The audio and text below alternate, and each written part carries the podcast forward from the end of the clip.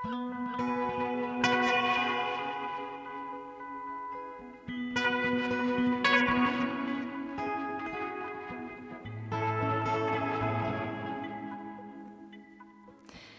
hlustendur, það er komin í júni, fjóruði júni nánar tiltekið.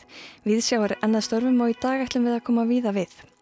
Við heyrum af óutkomnu bókmyndatímariti sem einbyttir sér að skúfuskaldum og ráum verkum, lítum á ljósmyndasýningu í Hafnarborg þar sem umbreyting bæjarins er í brennidæpli. Við rifum upp viðtal við Ófeg Sigursson um bók Vikunar, verndargrip eftir söður-ameríska höfundin Roberto Bolaño. En við byrjum að slá á þráðin til Brussel. Ása Rikkardsdóttir er framkvæmdastjóri alþjóðlegu sviðslistasamtakana EETM sem hafa höfustöðvar þar í borg. Hún var svo væn að svara símanum og ég byrjaði að spyrja hana hvað EETM eiginlega væri. EETM eru eitt elsta og stærsta um, lista tengslanett í heiminum. EETM var stopnaður 1981 Samtökin verða færtug árið 2021.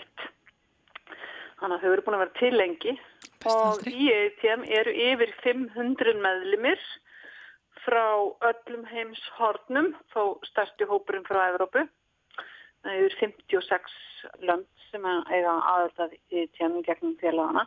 Og þegar þú segir meðlimir, átti þá við sviðslista hópa þá, eða hvað? Það er allt það eru bæði sviðslista hópar, það getur, getur verið með einstaklingsaðild, þannig að þú getur gengið í samtöngin bara sem frílanslistamæður og, og, og tekið þátt í starfi samtakana sem slíkur. Þú getur verið í hóp, þú getur unnið í leikúsi, þú getur verið að stýra uh, háttíð. Það er raunni, þetta er hérna allir aðilar innan sviðslista eiga aðildaði tjám. Við erum með uh, lista háskóla sem, sem félaga við erum með mikið af stórum stopnunum sem félaga og við erum líka sem gerir okkur svolítið sérstök, við erum með tölvust mikið af, af fjármögnunar aðilum, þar sé að svo kvöldu listráði í ymsum löndum eða Art Councils, British Council, ONDA, mikið af þessum stóru, stóru svona, hérna, landstopnunum eru aðilar í ETM, þannig að það er í rauninni allt frá einstaklingnum til hins eh, stærsta aðila í síðslistum í heiminum við myndum tengsl til þess að hitta annað fólk, til þess að auðlast nýja sín, til þess að kynnast nýjum kultúr, til þess að finna nýjar viðmjöðanir, nýjar hugmyndir, skiptast á hugmyndum. Þetta snýstum það bæði að gefa af sér og að þykja. Það er það sem gerist og það er það sem er, er, er töfratin sem gerast í svona tengslanetum að þegar að fólk virkilega kemur saman og deilir hugmyndum og þá fæðist ofta eitthvað nýtt og þetta er það sem að ETM félagar er búin að gera í 38 ár núna. Fundin okkar sækja líka stór hópur sem sagt fólk sem er ekki e, félagar í samtökunum. Þeir eru opnir fyrir aðra og það er ekki verið félag í samtökunum til að koma og það er alltaf stór hópur sem kemur sérstaklega frá fyrir landi sem að er að hýsa fundin hverju sinni við stöndum fyrir og fundin eru svona límið í, í starfsemun okkar. Við stöndum fyrir tveimur mjög stórum fundum á hverju ári með 700 manns í hvert sinn. Síðan erum við með marga misnöndi litla fundi á öllum starfum og gerðum. Síðan stöndum fyrir mjög öflir í útgóðstarfsemun síðslistirnas. Við erum að reyka sumarskóla. Við erum með alls konar svona í rauninni í samstarfið önnu netverk oft alls konar svona herrferðir og við erum að reyka mjög eh, mikla, umfangsmikla lobbyista starfsemi gagvart eh, fjármögnuna aðlum, sérstaklega Európa-sambandinu. Þannig að við erum að gera mjög margt í en... þáu sviðslistan í Európu, bæði fyrir okkar félagsmenn sem á listgreinin í helsinni. En af því við erum að tala um svona, eh, já, ólík lönd, hafið ykkur yfir sín yfir þá svona stöðu sviðslistana í hverju landi fyrir sig? Er þetta meðspunandi? Hefur, hefur ykkur tilfinning fyrir því? Já, staðansýslutin er mjög smunandi eftir hvar í heiminu þú sattur, það er sannlega. Við erum búin að vera að leggja okkar mörgum á þann hátt að þegar við höldum stóran fund í, í einhverju landi. Að þá búum við það sem við kallum mapping rannsókn. Þá fáum við einna, tvoða, þrjá aðla til að skrifa og kafa á nýstöðuna í því landi sem við erum að fara að koma til. Og sér á heimasíðin okkar að það er komið fjöl mikið af þessum svo kallum mapping rannsóknum eða kortlagningu, alltaf það myndi hverja kalla á íslensku þar sem við erum að kostleika stöðuna í hverju landi. Og í hverju eh, fælst þá að, að staðan sé góð eða slæm? Hva, hvað er það nákvæmlega sem þið kortleikið? Það getur verið svo mismunandi fyrir algjörlega eftir í rauninni hérna hverti viðmið Eh, við getum verið að tala um beina fjármögnun og, og þáþætti, við getum verið að tala um tjáningafræsi listamannsins, við getum verið að tala um, um stöðu sjálfstæðsleikus versus stopnana, við getum verið að tala um svo margar hluti þannig að það er reyna ekkert að segja eitthvað eitt hvað það var þess. Við reynum að, að, að, að þegar við gerum það, reynum við að gera það með eins með yfir sína sem mögulegt er Það fyrir alltaf eftir í hver skrifar fyrir okkur líka, hvert hansjónum það er, hver þekkingi liggur og svo framvegis. Mm. En við erum í rauninu að reyna að snesta á öllum þeim sviðum sem skipta máli fyrir sviðslistunar. Einmitt.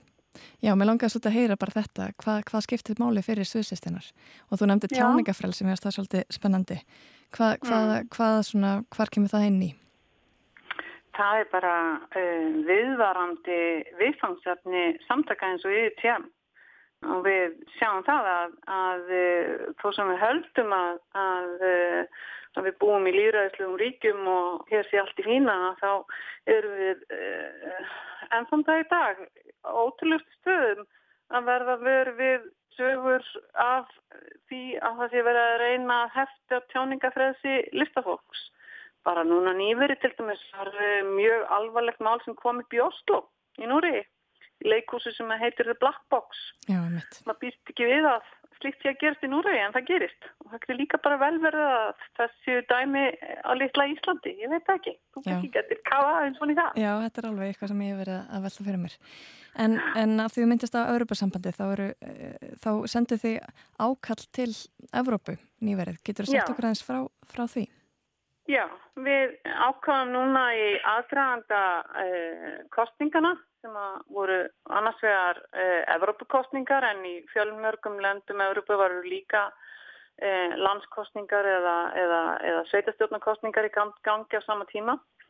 Og, eh, og við ákvæmum að, að skrifa svona ákveði ákall þar sem við erum að draga aðtökli að virði síðstlistana og draugum upp svona ákveðna mynd af síðslistónum og lýsum því meðal annars yfir að, að þau séu eina fáu farvegunum sem við höfum í dag fyrir kritiska hugsun í samfélaginu. Og við erum Lýsiðstillunar er einn sterkasta listgrein augnabliksins og hún er listgreinin sem býður áhauðundunum upp á hvað mesta námt og námt er fyrirbæði sem kannski er að verða æg sjálfgjafara í dag. Og Þetta sendum við svona ákveðin svona texta til hérna út í kosmosið í gegnum okkar stóru félagsaðild. Við erum með yfir 500 aðilar sem eru aðilar í, í tjám og svo eftir öllum okkar öðrum svona uh, fjölmjöla kannilum og uh, settum líka ákveðina kröfur á blað þar sem við hvetum uh, aðildar í Geðrupasambansins sem og alla aðra sem að þykir væntum sviðslutunar og skinja mikilvægi þeirra að, að einbett sér af og, um, og það er svona listað í þessu ákalli sem við, við sendum frá okkur. Og við ákvæmum að gera ekki bara fyrir öðrupsamskostningarnar heldur við erum við að gera þetta núna í rauninni í einn og halva mánuð. Og herrferðin okkar líkur í, um 28. júni Og með þessi erum við að vekja aðtikli á sýslistanum, við erum að vekja aðtikli á, á samtökunum og uh, reyna að komast að umræði um, um gildið þeirra. Þannig að þetta er búið að vera mjög skemmtilegt verkefni. Já, þetta er hljómar spennandi og áhugavert sem að sagði með að, að þetta verður svona vettvangur til krítiskrar hugsunar og það er mitt þá mikilvægt að að við halda þeirri kritísku hugsun meðal óleikra ríkja lítur að hafa áhrif mm. bara á einhvern allt annan hátteldur en bara með beinu samtali eða hvað? Já, algjörlega og við erum sífælt að, að í rauninni að, að, að reyna að styðja og styrkja stöðu listana í samfélaginu í okkar tilfelli sviðslistana og, og okkur finnst vera svo gríðarlega mörg dæmi þess bara allt í kringum okkur hvað sviðslistirnar eru renni hinn kjörni vettfangur til að fanga ögnablíkið og hérna krítisku hugsun. Menna til dæmis í kvöld heim til Íslands þá fer fram að ég best gæt séð báru, hva, hvað var það að kalla? Báru máta brenn, brennslón, eitthvað, ég man ekki nafni núna á, á fyrirbærinu, það sem að, að, að hérna, okkar ágæta bára sem tók upp, upp talþingmanna á klaustur bara ætlar að eigða upptökunum sínum. Myna, þetta er ekki annað heldur en sviðslistir. Nei, mitt, gerðingur. Og, og, og, og hvað gerðist þegar, þegar Bára tók upp, upp þingmennin á klaustri? Hvað gerði borgarleikusið daginn eftir? Mm -hmm. Setti það á svið og síndi það í gegnum, gegnum Facebook og þjóðin horfi á. Myna, þetta er bara ótrúlegur styrkleiki sem sviðslistum að hafa að geta fangað eitthvað sem, sem gerist í samfélaginu og bara setja á sviðdægin eftir. Eru, það er rannsóknarskýrslam að mér upp öll fyrir tíu árum síðan í borgarleikusinu. Eru sviðslistanar bara... örugari vettvangur fyrir svona politist samtal heldur en, heldur en bara dagblöðina? Hva, hvers vegna er, er þetta svona leikur þetta svo, svona létti í, í handunum á sviðslistafólki? Ég, ég held að sé vegna þess að þau sviðslistanar og í gegnum það að taka einhver svona viðbörð, eitthvað sem er, er, er brennandi í deginum í dag og setja það á svið með beinum hætti hmm. eins og ég vitna aftur í, í, í leik borgarreikusleikana á klöstursupptökinni það var ekkit annað heldur en það var bara veist, sett upp á litla sviði borgarleikusins og það var bara ljós og mæk og, og sex leikara. Þess nýrt kynjónum við. Það voru konur sem að leku kallþingmanna og eitt kallleikari sem að lek hvern leikunum og svo bara lesu, lásuðu upptökunar mm. en, en með því að gera þetta það verður atbyrðurinn svo augljós og svo, hann, verður, hann, hann afhjúpast svo gjörsamlega að það er, ekki, það er ekki hægt að gera það með sterkara hætti þetta er gert á þess og þetta er þetta ótrúlega eh, element sem að sviðslislunar hafa. Menn það er ekki alltaf að snúast um eitthvað sem er að gera daginn áður á þingi eða nýra á einhverjum bar.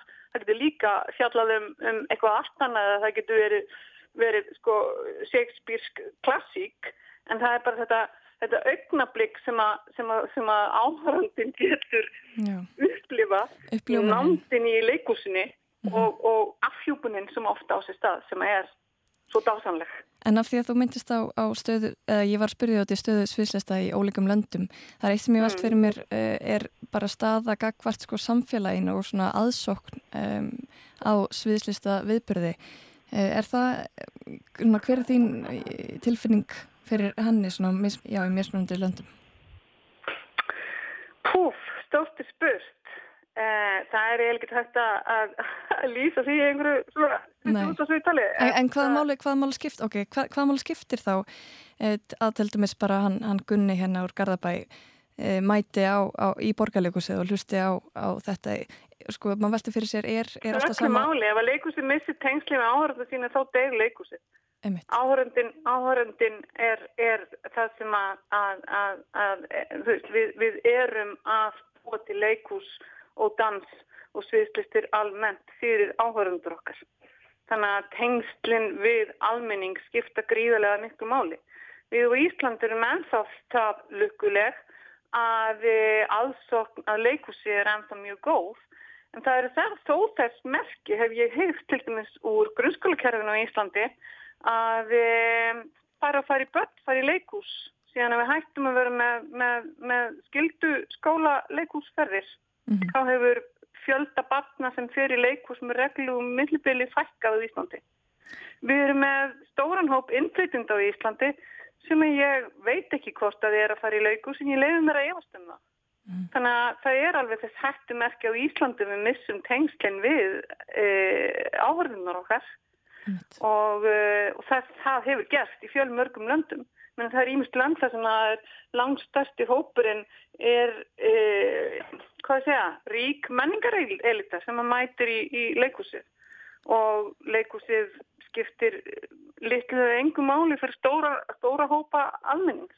Og þá missir, missir samtali kannski svolítið margs ef það bara verið að tala við ákveðin lítinn hóp. Já, þetta er bara viðvarandi umræða og, og við sem samtökur erum að reyna að, að eh, leggja okkar á mörgum og með eitt af sem að EITM er mjög þekkt fyrir um alla Európu núna er að við settum á stað ákveðu verkefni sem við köllum hérna the idea strategy sem er sem sagt hérna snýst um, um, um, um aðgengi og að, að hvað kallar maður það á íslensku? Nú mandar mig orðin inclusion, hvernig segir maður það á íslensku? Ég er mitt búin að vera að velta þessa fyrir mér. Það er, það er erfitt að þýða þetta. þetta svona, já, e, ég minna að vera bara vera, vera hérna, að, að, að fanga allt samfélagin ekki bara suma. Það má kannski orða það bara þannig. Og við sem fórum að staðum fyrir þremur og hálfu árið með verkefni þar sem við unnum í rauninni fyrst uh, tengslaneta í, í heiminum svo kallar svona inclusion strategy. Við erum búin að setja okkur ákveðin ákveðin hérna ákveðina stefnu í okkar starfi og hvernig við höldum fundin okkar og hvernig við sjáum til þess hvort sem það eru fatlaðir einstaklingar eða einstaklingar að öðrum kynþáttum eða öðrum lit eða hvaðan við koma e, séu velkomnir á okkar fundi mm -hmm. og að rödd þeirra heyrist með greinilegunum og ákunum hætti og, og afar margt annað. Þannig að við erum svolítið búin að vera að reyna að benda á leiðir fyrir okkar meðlimi og við erum e, e, leiks og, og, og dans og sýstalífi í allir, allir Evrópu og víðar til þess að ná til fólks og, og það bæði snýst um minnlutahópa en líka er enni snýst um það að ná eirum þeirra sem að koma ekki til okkur í dag. En það er ofta leiðir sem hægt er að fara til þess að ná til fólks og Einmitt. Við höfum verið að svona reyna að leggja okkar mörgum til þess. Já, þú sagði mig frá fundi sem var haldin í höll og ég hafði samband við tvo íslendingar sem fóru um, á þann fund og þau ætla að koma til minn í viðsjá og segja eins betur frá því þannig að við höldum áfram það samtal þá. En Ása Ríkardsdóttir, kæra þakki fyrir að taka símtal frá Brussel og, og segja eitthvað frá um, samtökunum EETM sem þú ert framkvæmda stjóri hjá. Takk kærlega fyrir. Kæra þakki, er þú gaman að heyri, hverju byrð fyrir bestu kvæður heim? Ég skilur því að gangi ekki vel. Takk fyrir kjallega. We shall live again We shall live What is it, children, that falls from the sky? Ta-ee-ta-ya, ta-ee-ya-ya Manna from heaven, from the most high Food from the Father, ta-ee-ta-ya we shall live again. We shall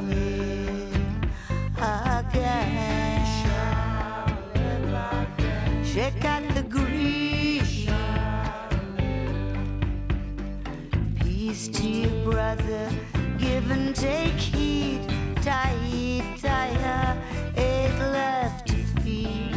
One foot extended snake to the ground. Wave of the earth, one turn around. We shall live again. We shall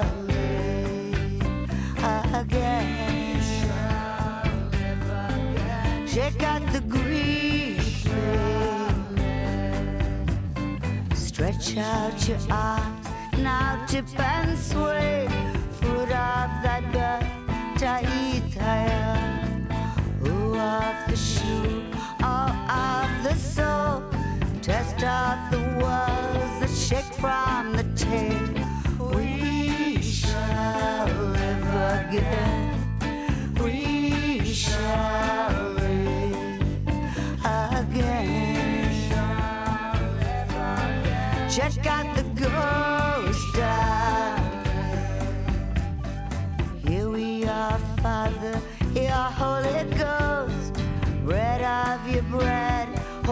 Of your host. We are the tears that fall from your eyes.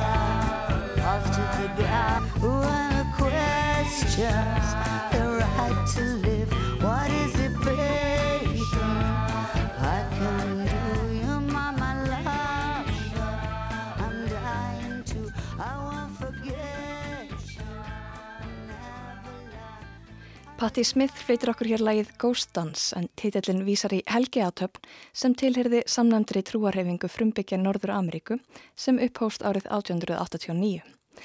Þar var því haldið fram að dansinn saminaði anda hinn að dauðu, lokkaði þá til bardaga fyrir þeirra málstað, hrekti í burt kvítu nýlenduherrana og færði frumbyggjunum frið, frjósemi og saminningu. Dansinn var meðal annars notaður í pólitískum tilgangi í mótmælaskinni í lok 19. aldarinnar. Sviðslistir og pólitík, það held ég nú. En frá Norður Ameríku höldum við til Suður Ameríku. Bók vikunar er verndargripur eftir Roberto Bolaño en hún gerist í miðju hernámi í september 1968 í Mexikoborg. Þar stýgur aðalpersonan engin dansbór til varnar en sest nýður á kvennasalerni háskólans, felur sig þar í tólf daga og tekst á við fortíðina, framtíðina og hungrið sem sverfur að. Við heyrum nú viðtal við þýðanda bókarinnar, Ófik Sigursson frá árunnu 2016.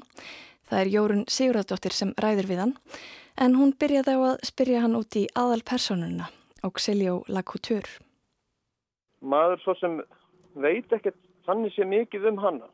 Hún er bara þessi heitlandi rödd sem að eh, gengur í gegnum alla bókina og er kannski svona mm, samverk þeim röddum ólöglegra innflytjenda í Mexikoborg á þessum tíma frá Suður Ameríku og kannski hefur hann uh, fundið þessa rödd að hluta til hjá sjálfum sér. Þótt að hann hafi ekki verið ólöglegu flytjandi heldur flytjandi þangað með fórundur sínum. Auxilio Lacouture kemur ekki bara fyrir í þessari bók Bolaños og þannig fer hann svo litið að eh, personur hans ferðast svo litið á milli verka. Hvað finnst þér um þessa aðferð? Sem aðferðu veit ég nú ekki en þetta virkar mjög heitlandi og þetta virkar ekki endurtekningarsamt þannig finnst mér þetta heitlandi og, og að, að hitta á ný gamla félaga úr, úr öðrum bóku sem maður hefur áður lesið. Og um, þetta bara á, ákveðin átt byggskar personar og svona líka gefur svolítið til kynna að hann sé í rauninu með þessum, við veit ekki hvaða tíu skálsögum eða að þetta sé allt eitt samhangandi verk og menn hafa nú verið að kortleggja bækurnar og reyna að teikna upp uh, munstur sem fara nú bara að nálga stöðlíkju. Þannig að það margir líta svo á að þetta sé eitt stort verk sem tengist. En það er hluti að svona þessum verkar svona hillandi að fólk skilur bækunar á, ymsanhátt og þú gerir tengingar við hitt og þetta þótt að séu bara ljóðranna tengingar og þá er það bara hluti af lestrar upplifunni eða lestrar nöytninni frekar. Bolaño var jú upphálega ljóðskáld og uh, var lengi bara í því að yrkja þótt hann hafa nú kannski byrjað fyrr að skrifa skáldsögur heldur en útgáfu sagan segir tilum og hann notar daldi mikið, hann notar beinleginist ljóð sín, prósaljóð ekki síst og mjög svona ljóðræna, hann blandar mikið saman stílum. Hvernig var að þýða þessa bók svona út frá því? Það hefur til dæmis verið sagt um Bolaño og hann sé mikill sögumadur, sagnamadur, skáldandi, skáld, nóvelisti en kannski ekki mikill stílisti, ekki mikill ræter eins og stóði í New Yorker einhver tíman. Ertu samála þessu? Nei, það er þá bara einhver af, afmarkað skilningur á sagt, þá sagnaritara eða einhvers veit. Hann er kannski ekki sagnamadur, hann er miklu uh, ljóðrætni en hann er vissilega sagnalistin á, á sínu valdið. Það er mikið flæði en hann, er, hann byggir skálsugur sínar rosalega flott upp og hann býr til sínar eigin byggingar og sínar eigin formúlur. Hann fer ekki eftir neinum og hann bara gerir það sem hann sínist og, og það bara svínviskar.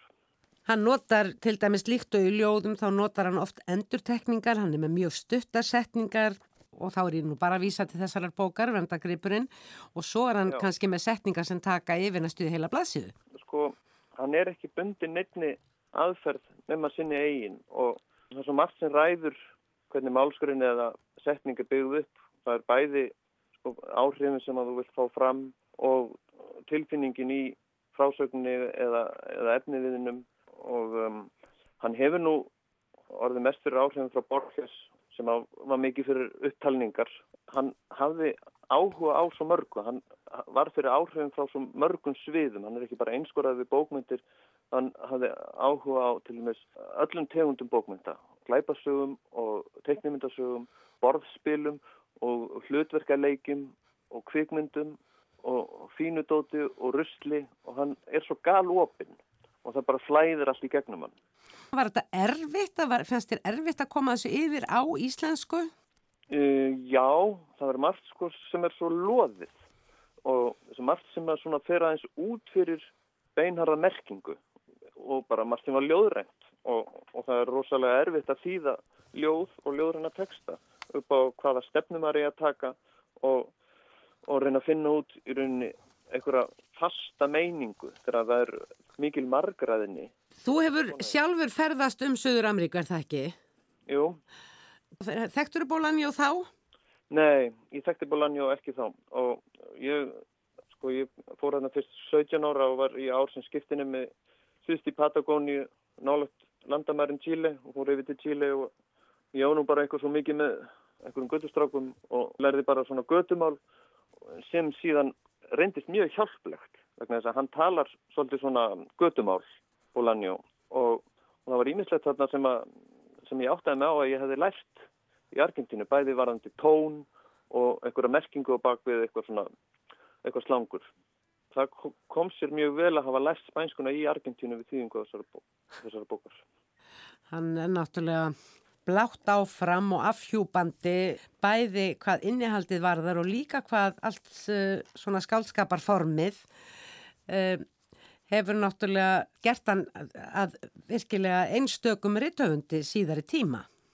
Já, hann varð bara einhvern veginn uh, þessi höfundur bara út frá öllu því sem hann hafi reynt áður og hann er einhvern veginn svona einhvern veginn sko rétt staðsettur í tímanum. Og um, hann reyndi búið mikið fyrst og ég held að það bara um, um leið og hann hafi slakað á og farið að sjá önnur gildi í lífinu heldur en að verða uh, mikið skáld eða mikið ljóðskáld eða mikið reythundur að, að þá bara opnust þessa gáttir og líka að hann um, að fær þessa fregnir eitthvað í kringu 1990 að hann sé með þessa livrabilun og sé í rauninni eigi ekki langt eftir ólifað og, og er það orðin fjölskyldumadur og fer að sjá svona aðeins út fyrir sin eigin metnað. Samhengið, öðrum orðum. Já. já. Samhengi lífsins. Já. Og Fegur Sigursson, þýðandi vendar Gripsins, stattur í Berlín. Kæra þakkir fyrir spjallið.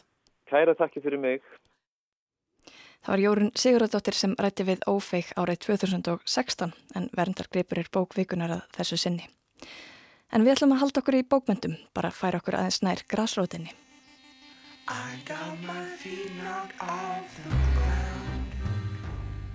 Er ekki bókmyndatímaritt börn síns tíma? Reykfallnar skræður í hillum hjá ömm og afa, í góða hyrðinum, í skúfunum undir hillurum í mál og menningu. Er einhver eftirspurn eftir þessu lengur? Það vil Ærþór Jengi meina, stórhuga ungur maður með nýtt tímaritt í bíkerð, skandala sem og samnemnda vefsíðu. Hann settist niður í hljóðstofu með mér til að ræða málið. Ærþór Jengi, þú skilgrinniði sem heimsbygging og skáld. Það er það sem stendur á jápondurins allavega, síðast vissi. Ég er heimsbyggi mentaður og hef gefið út lögabók þannig að held að ég eigi tilkalli bæði. Ég gæti bætt við fleiri til ég er líka útgefandi og sakfræðingur Er það útgefandi líka? Já, ég er náttúrulega að gefa út sjálf á mig og hérna, er að gefa út bók með það tímaritt Það komið út eitt tölblad Nei, það er ekki komið út nefnilega. Það er ekki komið út. Það, það kemur er... út í næsta mánu Það átti að vera komið út en uh, þetta er uh, aðeins meiri vinna heldur en maður kannski átt að segja á þannig að Þetta taðist aðeins en uh, umbrótið það er núna á lokametrunum og þetta verður komið út um miðjan júni. Áhugavert. Hvað svona, hvað tefur ferlið? Uh, það tafði kannski aðalega það að enginn í reitstjórn er að taka henni laun fyrir þetta og uh, hönnurinn okkar er bara reitstjórna meðlumur og hún bara var ekki alveg tilbúin að sóa öllum sínum frítíma í að gera þetta frítt og síðan dróst aðeins að hérna fá allt efni inn, sérstaklega myndefni þannig að það bara tók aðeins lengri tíma heldur en við gerðum ráð fyrir og vorum kannski ekki alveg nógu duglega að pressa á uh, þá sem er að setja efni í blæðið. Ég hugsa að þetta sé saga sem margir kannast við. En segð okkur eins frá efninu. Já, það er alls konar. Það var alveg mjög meðvitað ákvörðun að við viljum ekki hafa neitt þema, við viljum ekki binda okkur í neitt sérstakt, við viljum uh, fá bara sem mest af alls konar og hvöttum fólk sérstaklega til þess að senda inn bara svona kannski verki í vinslu eða eitthvað svona ekki alveg full klárað, bara svona nota tækifærið og henda einhverju út. Og það er bæði texti og uh, myndir. Og uh, það eru greinar líka, umfjallanir, það er leikúsdómur og kvikmyndadómar og náttúrulega þetta vennilega ljóð og smásugur og, og já, bara eitthvað af öllu í rauninni. Og verkið vinslu voru höfundar alveg tilbúin til þess að láta þau hendi? Um, ekki kannski eins mikið og maður hefði búist við. Höfundar eru kannski aðeins einna tregar á það en við fengum margt svona sem er allavega mjög nýtt og mjög ferst eitthvað sem að bara er, var klárað bara viku áður en það var sendt í blæði þannig að eitthvað sem hefði kannski tekið breytingum í framhaldinu ef það væri ekki að fara að byrstast á brendi. Mm. En hvað, hvaða köllin var þetta ægir? Hvers vegna ákvæmstu að leggjast í útgafu starfsemi á, á svona tímariti? Tja, stórstu spurst. Þetta var félagin minn og, og rittstjórnar meðlumur, hann Anton Sturla sem að uppala stakku upp á þessu. Stakku upp á þessu bara svona í hálkæringi við bjór og ég skaut niður hugmyndina til að byrja með. Ég var þá til dæmis nýbúin að gefa út mína fyrstu bók og gera það sjálfur og ég veit hvað er mikið vesen að gefa út þannig að ég hugsaði bara neini, það er ekki sens að við fyrir að gefa út bókmyndatímar þetta brenti, þetta er bara, þetta er alltaf mikið vinna en síðan einhvern veginn grasseraði hugmyndin í hustum á mér og ég fór eitthvað svona setja saman tölur og reikna eitthvað svona og hugsaði, jújú, jú, ef við getum sapna fjármagni fyrirfram þá hérna, getum við pröfað og sé bara hvernig undir þetta verða og síðan söpnum við fjármagni, fengum styrk frá borginni og já, fengum ágætis undir þetta það náttúrulega má alltaf vera meira. Ég menna það eru öruglega ekki það margir en þá sem vita af þessu þó við höfum reynd að vera einn stúlega og getum að svona útvarpa þessu en, en í, hvað fór, í hvað fór fjármagni? Já, það er nú mest af því til en þá en uh, hérna, við erum búin að nota eitthvað smá í bara að kaupa veitingar fyrir viðbyrði og hönnurinn okkar, hún fær borgað einhverja kjánulega lága uppæð fyrir umbrótið og hönna svo bara er restinn það sem að er að fara í brentkostnað mm -hmm. við eigum að vera með alveg, alveg fyrstu tvö tölblöðin, örug mm -hmm. samkvæmt okkar fjárras áallun Þannig að fjármagni er að mestu leiti að fara í, í brentkostnað hvernig, hvernig líðið þið með það svona bara sem listan á sjálfur? Það er bara við búið ég menna, maður bjóst aldrei við því að græða neitt á þessu. Meigum ekki eins og græða á þessu þegar við letum skráta sem hérna, félagsamtök En greiðsla til höfunda og slikt, er það eitthvað sem þið hafa Það er eitthvað sem okkur dreymir um að geta gert. Það væri náttúrulega æðislegt og svona fyrsta skrefið væri alltaf að geta kannski borgað mannskunum sem hann að forsýðina tíu skall þó að væri ekki meira Já. en uh, við, við pælum í því eftir fyrstu tvö tölubröðin þá mm. hérna kannski sjá við sjá hvernig salan gengur við ætlum að náttúrulega selja blöðin þó að verði svona nánast ákostnaða verði en við sjáum til hvernig hérna, tölunar lít út eftir það hvort við getum mögulega borgað eitthvað smá mm. en með við það að það eru 14 eða 15 manns með efni í þessu fyrsta blaði þá var náttúrulega væri aldrei mögulega á því að borga þeim öllum. Það er bara ómikið En svo er heimasíða líka skandalei.is hvernig spilar þetta saman? Út, sagt pappirs út, útgáfan og, og svo vefsíðan? Já, vefsíðan er náttúrulega bara nýkomin upp og uh, það er engin, engin fagmaður sem hannaði hann heldur, það var mestmagnist ég sjálfur og uh, einn, uh, einn, tveir aðeins aðstofið mig með það og við erum svona ennþá bara að sjá hvað verður með, uh, með vefsíðuna. En hún á alltaf að vera svona aukaatri, blaðið er í aðalhutverki það sem að er búið að byrstast á vefsíðinni hinga til sem það hefur byrst á Facebook eitthvað af því er í komandi tölublaði. En við ætlum ekki að vera svona að byrta allt tölublaðið á síðinu sérstaklega ekki áður en blaðið kemur út svo ætlum við líka bara að fá fólk til þess að senda inn efni bara svona reglulega og við erum að auglisa eftir því núna að fólk bara senda okkur á skandali.tímreit.gmail og uh, það verður þá byrt á síðinni og við ætlum að byrta nýjan texta þarna á hverjum degi Ég er að þau hefur mikla trú á, á skaldagáfi þjóðarinnar. Þú býstu við að fá mikið send? Já, ég minna okkur tókst að fylla þetta tölublað til dæla hratt og við þurftum að hafna æði mörgum. Það var talsveit meira efni heldur en við gáðum byrt og þó að blaði verði tróðið, skilst mér, ég er ekki að segja um hönna en mér skilst að við munum, þetta verður ekkit sett upp eins og ljóðabók, þetta verður sett upp eins og tímaritt og alveg tróðið af texta og myndum þannig að hinga til hefur, hefur bara gengið ágætlega að fá efni og við vonum bara það haldi áfram. En út af því að þú ert með þessa heimasíðu og, og þú ert nú af, af kynslu sem að les mikið á netinu, Hva, hvað var það við, ertu sjálfur áskrifand af, af, af bókmyndatímareitum eða hva, hvers vegna kalla þetta svona á þig, hvers vegna grassir það hugmyndir svona í höfðuna þér? E, sko, ég les bókmyndatímareit, ég er ekki áskrifandi en uh, amma kærsunum minnar, hún Guðrun Helgadóttir sem við búum í kjallara íbúð hjá, hún hérna fær að sjálfstöðu tímaritt málsum menningar sendt heim og, og ég les það hjá henni og uh, svo hef ég nú byrst í stínu nokkru sinnum og fengið tölblöð tengt því og einstakar sinnum keiftar enda líka, jú. Og mér finnst það bara svona mér finnst það mikilvægt að hafa þetta svona á prenti. Það er öðruvísi að sjá verkið þín á prenti heldur en að sjá þau á einhverju vefsíðu. Og þetta eru flott tímaritt, sérstaklega tímaritt máls og menningar, eru rosalega vel rittstýrt en það er líka erfitt að komast í það ég fekk núna nýla samþittasögu í er næstu dölublaði sem er í fyrsta sinn, ég hef sendað það nokkur sinnum. Ég er ánaðið með það en það er auglust að það er mjög erfitt fyrir unga höfunda að komast í þetta blað. Stína er aðeins svona auðveldari en enga síður. Það það eru kröfur þar og það er gott mál en skandala á að vera svona fyrir hýna sem kannski er að stíga sér fyrstu spóri eða er að gera eitthvað bara svona gera eitthvað öðruvísi, eitthvað sem kannski fellur ekki að þessum svona hefbundna stíl sem að er að byrtast í íslensku bókmyndum.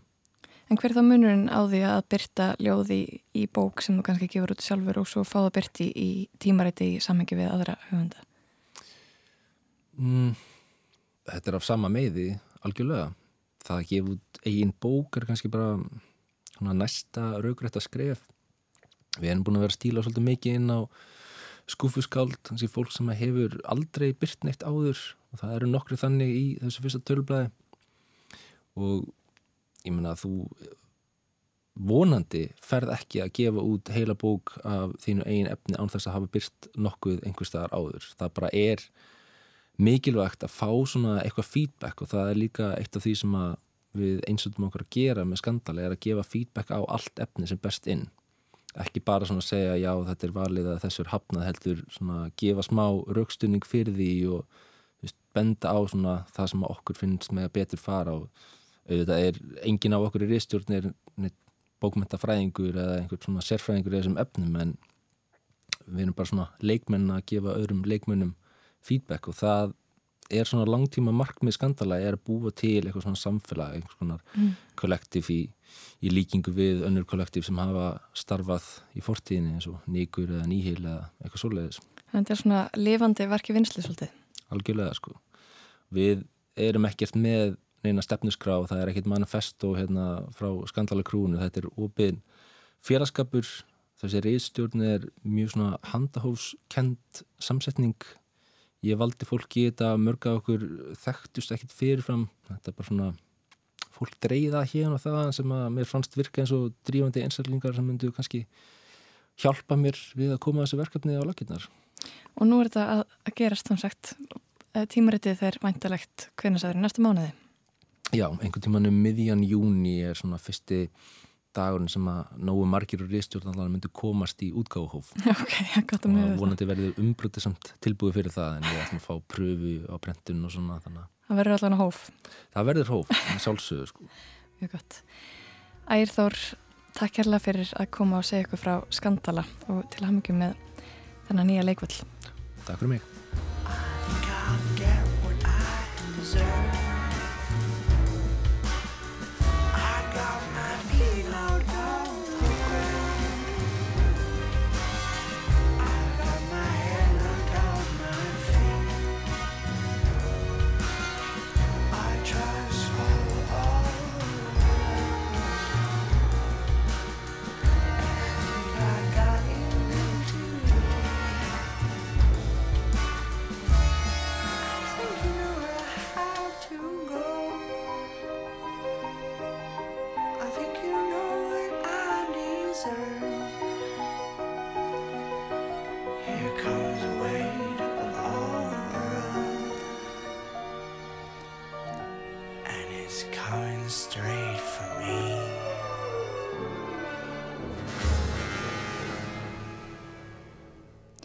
Weight of the World með kanadíska tónlistamanninum Patrick Watson.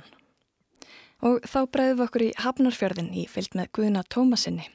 En um síðustu helgi var síningin Tímakvörf opnað í Hafnarborg þar sem áhorfandunum byrtist sín átta samtíma ljósmyndara á fjörðin. Síningastjórin er Kirsten Simonsen en Guðni spjallar við Ágústu Kristoffersdóttur, sapstjóra Hafnarborgar. Svona, það rúlar eitthvað. Ágúst að Hafnaborg er eiginlega bara að huga að heimabænum Hafnafyrði og umbreytingunni á, á honum á síðustu árum og kannski bara fyrir framann hugun á okkur.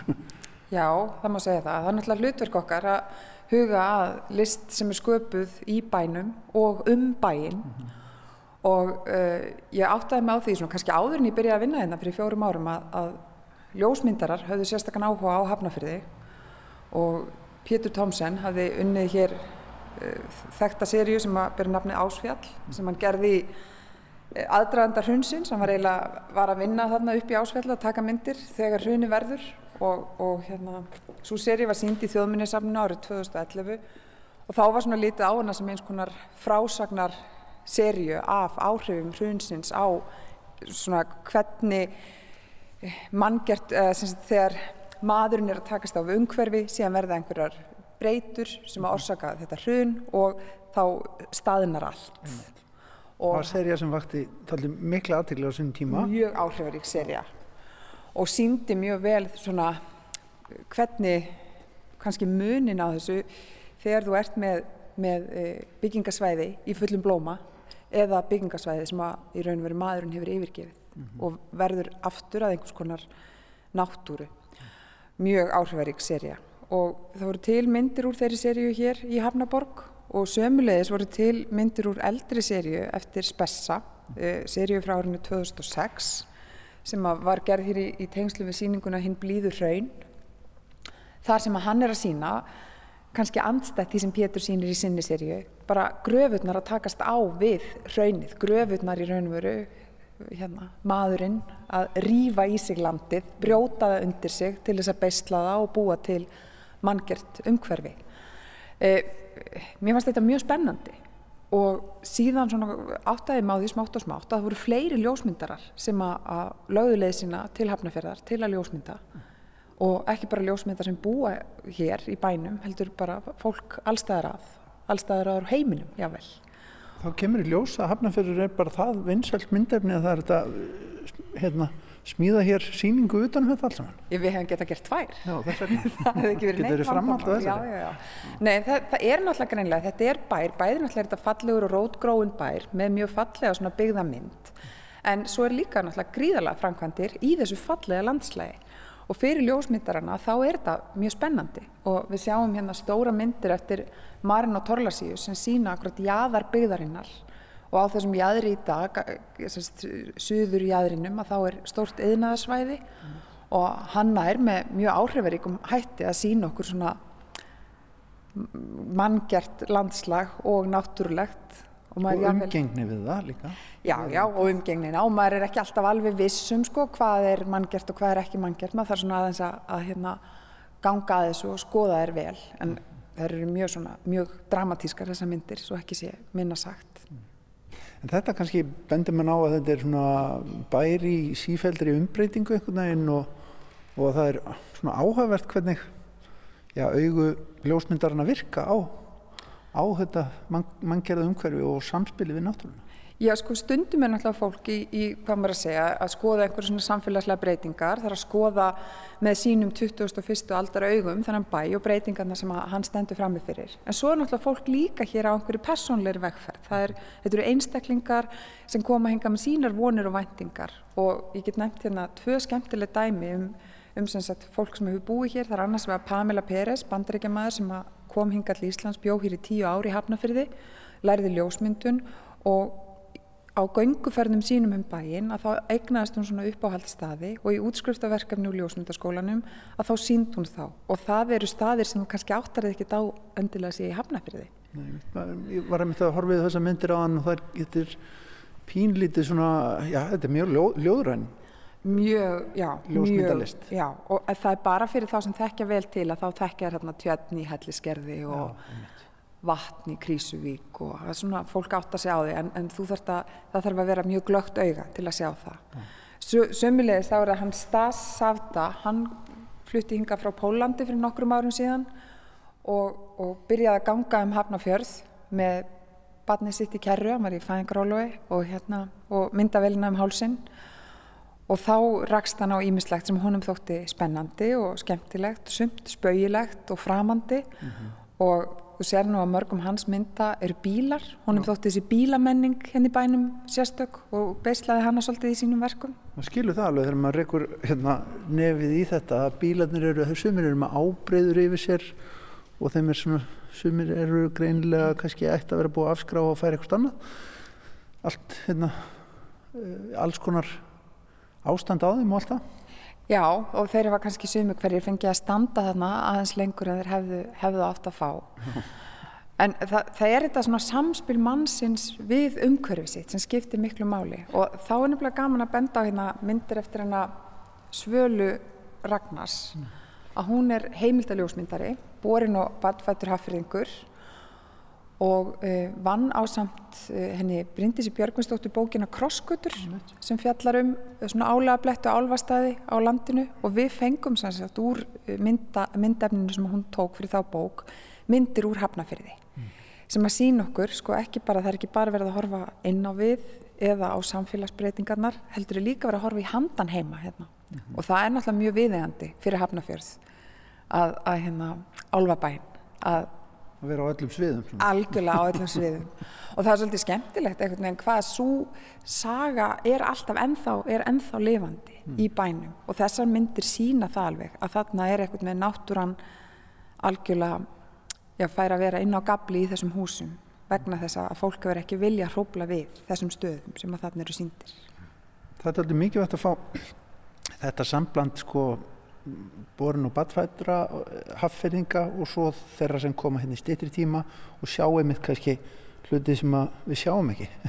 Já, já, ég meni, ég held að þú veist, það, ef maður ætlar að reyna að gera síningu sem sýnir á einhvern hátt staðin eins og hann blasir við, þá þarf maður margskonar augu til þess að, að skoða hann í gegnum. Og það er náttúrulega það sem þetta gefur okkur.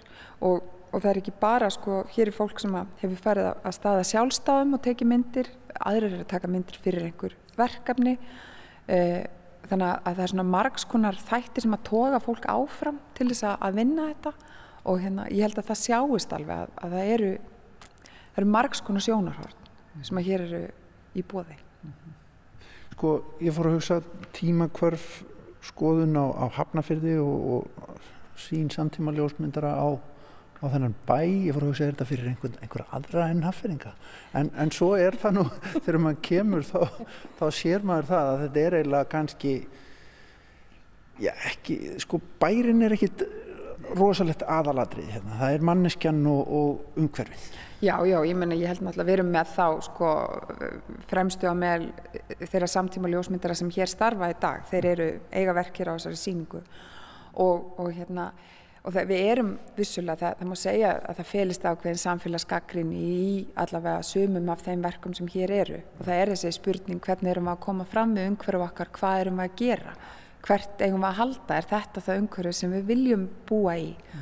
Og ég meina býr fegurðin hér eða í þessu, býr hún einhver starf annar staðar, í einhverju öðru?